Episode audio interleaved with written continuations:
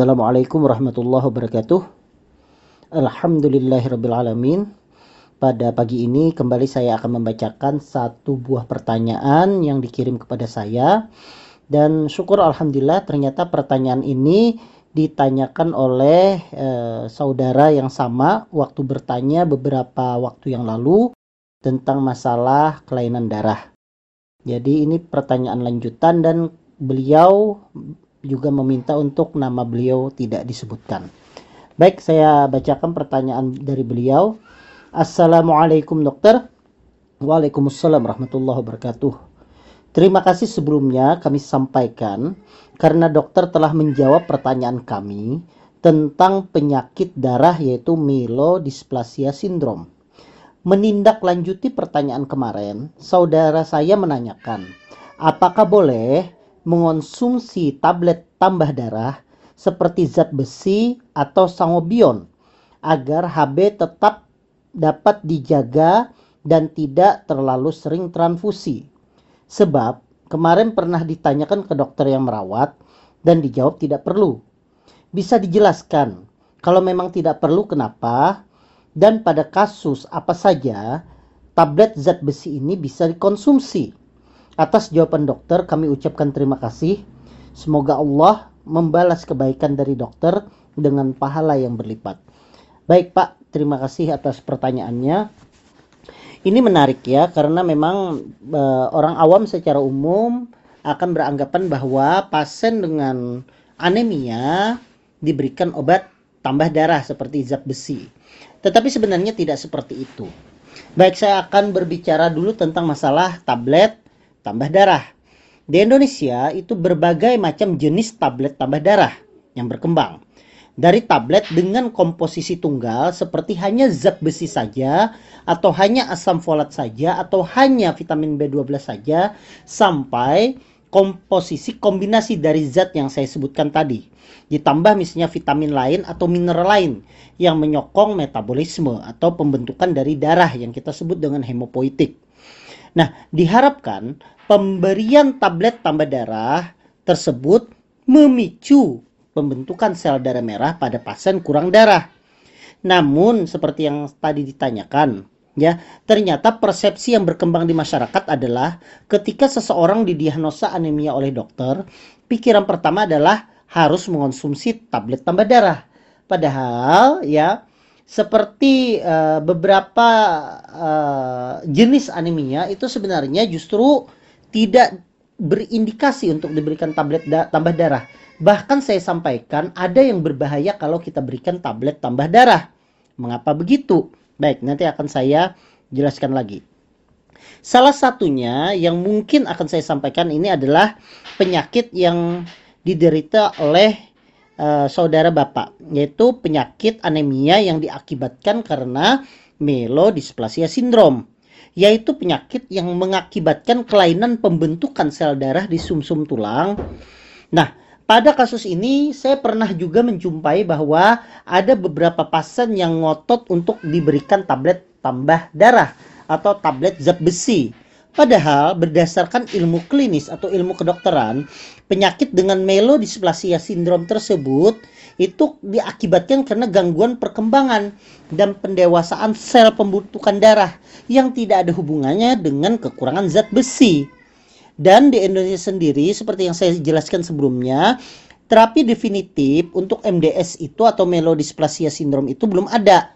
Hanya terapi konservatif saja, yaitu dengan obat-obatan dan pemberian transfusi darah secara berkala jika kadar darahnya menurun. Namun ya memang walaupun dijelaskan kadang beberapa pasien saya itu tetap ngotot minta untuk diberikan dengan alasan agar kadar darahnya tidak cepat turun. Nah, kenapa pada melodisplasia sindrom itu itu bisa terjadi kegawatan kalau seandainya kita berikan tablet tambah darah? Baik, saya akan jelaskan dulu tentang masalah hemoglobin. Hemoglobin itu adalah komposisi pembentuk dari sel darah merah, yaitu jenis sel darah yang paling banyak dan berfungsi untuk membawa oksigen dari jaringan tubuh melewati darah. Bagian dalam sel darah merah tadi saya sampaikan terdapat hemoglobin yang fungsinya adalah mengikat oksigen. Untuk mendiagnosa seseorang anemia, tentunya kita harus mengukur kadar hemoglobinnya. Nah, kenapa sel darah merah itu berwarna merah? Hal ini karena sel darah merah itu mengandung hemoglobin yang unsur pembuatnya itu adalah zat besi. Sehingga kadang memang benar logikanya jika HB turun maka juga seharusnya disertai oleh penurunan zat besi. Tapi sebenarnya yang harus diketahui bahwa memang benar kalau secara logika dia akan turun tetapi belum tentu faktanya benar. Kadar hemoglobin yang kurang belum tentu disertai dengan zat besi yang rendah. Dalam perjalanan pembentukan hemoglobin itu tidak hanya dipengaruhi oleh zat besi, tapi dipengaruhi juga oleh hal-hal lain. Nah, penting bagi teman-teman sekalian untuk mendiagnosa anemia itu tidak hanya sekadar anemia, tetapi juga dilakukan pemeriksaan yang lebih jauh lagi agar bisa diketahui bahwa anemianya ini memang memerlukan zat besi atau anemia itu tidak memerlukan zat besi. Nah, kembali ke pertanyaan. Kenapa pada kasus melodisplasia sindrom itu tidak diperlukan zat besi? Nah, karena pada kasus melodisplasia sindrom itu yang terjadi itu bukan karena dia kekurangan zat besi, tetapi dia karena gangguan pembentukan sel darah merah. Padahal bahan bakunya cukup, tetapi mesin untuk membentuknya itu terganggu sehingga akhirnya terjadi anemia. Nah, pada kasus ini akhirnya HB akan turun dan pasien akan sering ditransfusi. Nah, pada pasien yang sering ditransfusi, justru buangan dari metabolisme akibat dari transfusi itu, yaitu namanya ferritin, itu akan meningkat atau akan berlebih. Nah, ferritin yang tinggi sebenarnya justru kalau kita tambah dengan obat zat besi, ferritinnya makin tinggi. Nah, ferritin yang berlebih itu tidak bisa dibuang kalau pada laki-laki. Pada perempuan sebagian kecil dia akan meluruh melalui haid. Tetapi pada laki-laki tidak bisa dibuang. Akibatnya apa kalau dia berlebih? Dia akan disimpan di hati, akan disimpan di limpa, dan akan disimpan di jantung sehingga bila lama kelamaan dia menumpuk itu akan menyebabkan kegagalan organ yang berakibat kepada kematian. Nah, contoh lain selain melodisplasia sindrom, kasus-kasus anemia yang dengan ferritin yang meningkat itu misalnya pada kasus thalassemia.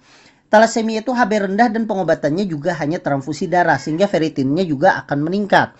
Contoh lain selain thalassemia itu anemia sideroblastik. Anemia akibat kelainan dari bentuk dari sel darah merahnya sehingga ferritinnya juga meningkat. Nah, saya sebenarnya ada beberapa kasus lain pemberian zat besi itu terkesan sia-sia. Sebagai contoh misalnya anemia karena hemolisis autoimun artinya pecahnya pemburu, pecahnya darah akibat dari autoimun. Nah, pada kasus ini tidak diperlukan besi. Yang diperlukan itu adalah imunosupresan, obat-obat untuk menekan sistem imun agar HB-nya itu kembali meningkat. Misalnya lagi, yang selanjutnya, anemia akibat misalnya kelainan sumsum -sum tulang dalam memproduksi yang banyak yaitu anemia aplastik. Itu juga tidak diperlukan tablet zat besi karena anemia aplastik itu yang diperlukan itu adalah pergantian darah karena dia tidak mampu untuk memproduksi yang maksimal. Sedangkan zat besi itu berguna untuk apa saja? Akan saya bacakan. Suplemen zat besi itu akan berguna pada kasus yang pertama yaitu anemia defisiensi besi Artinya jelas diagnosanya anemia defisiensi besi. Bagaimana cara mendiagnosa? Ada pemeriksaan, ya pemeriksaan kadar besi namanya dan itu hanya dokter yang bisa melakukan tersebut. Kemudian anemia akibat penyakit kronik. Nah, itu boleh. Misalnya orang terkena penyakit TB paru, ya itu kan penyakit kronik. Akhirnya HB-nya turun. Nah, itu boleh diberikan zat besi karena pada anemia kronik itu penggunaan besi yang meningkat sehingga diperlukan adanya suplementasi zat besi. Misalnya lagi, pasien dengan gagal ginjal dengan kadar besi yang rendah. Hmm, itu justru harus diberikan zat besi. Misalnya lagi, anemia pada kehamilan. Nah, ini indikasi pemberian zat besi.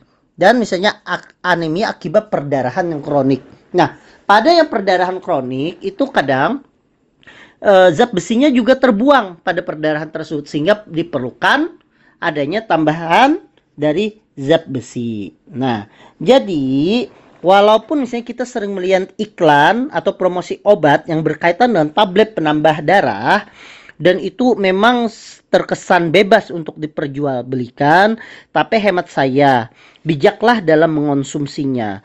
Karena seperti yang kita ketahui bersama bahwa tidak semua anemia itu memerlukan obat tambah darah dan salah satunya adalah penyakit dari melodysplasia sindrom memang sebenarnya tidak diperlukan zat besi yang berlebihan karena biasanya pada melodysplasia sindrom itu pasiennya sudah sering transfusi, malah kadar ferritinnya yang tinggi, sehingga kalau diberikan zat besi justru akan berbahaya karena dia akan menumpuk di organ-organ tertentu yang menyebabkan kegagalan organ dan akhirnya menjadikan kematian.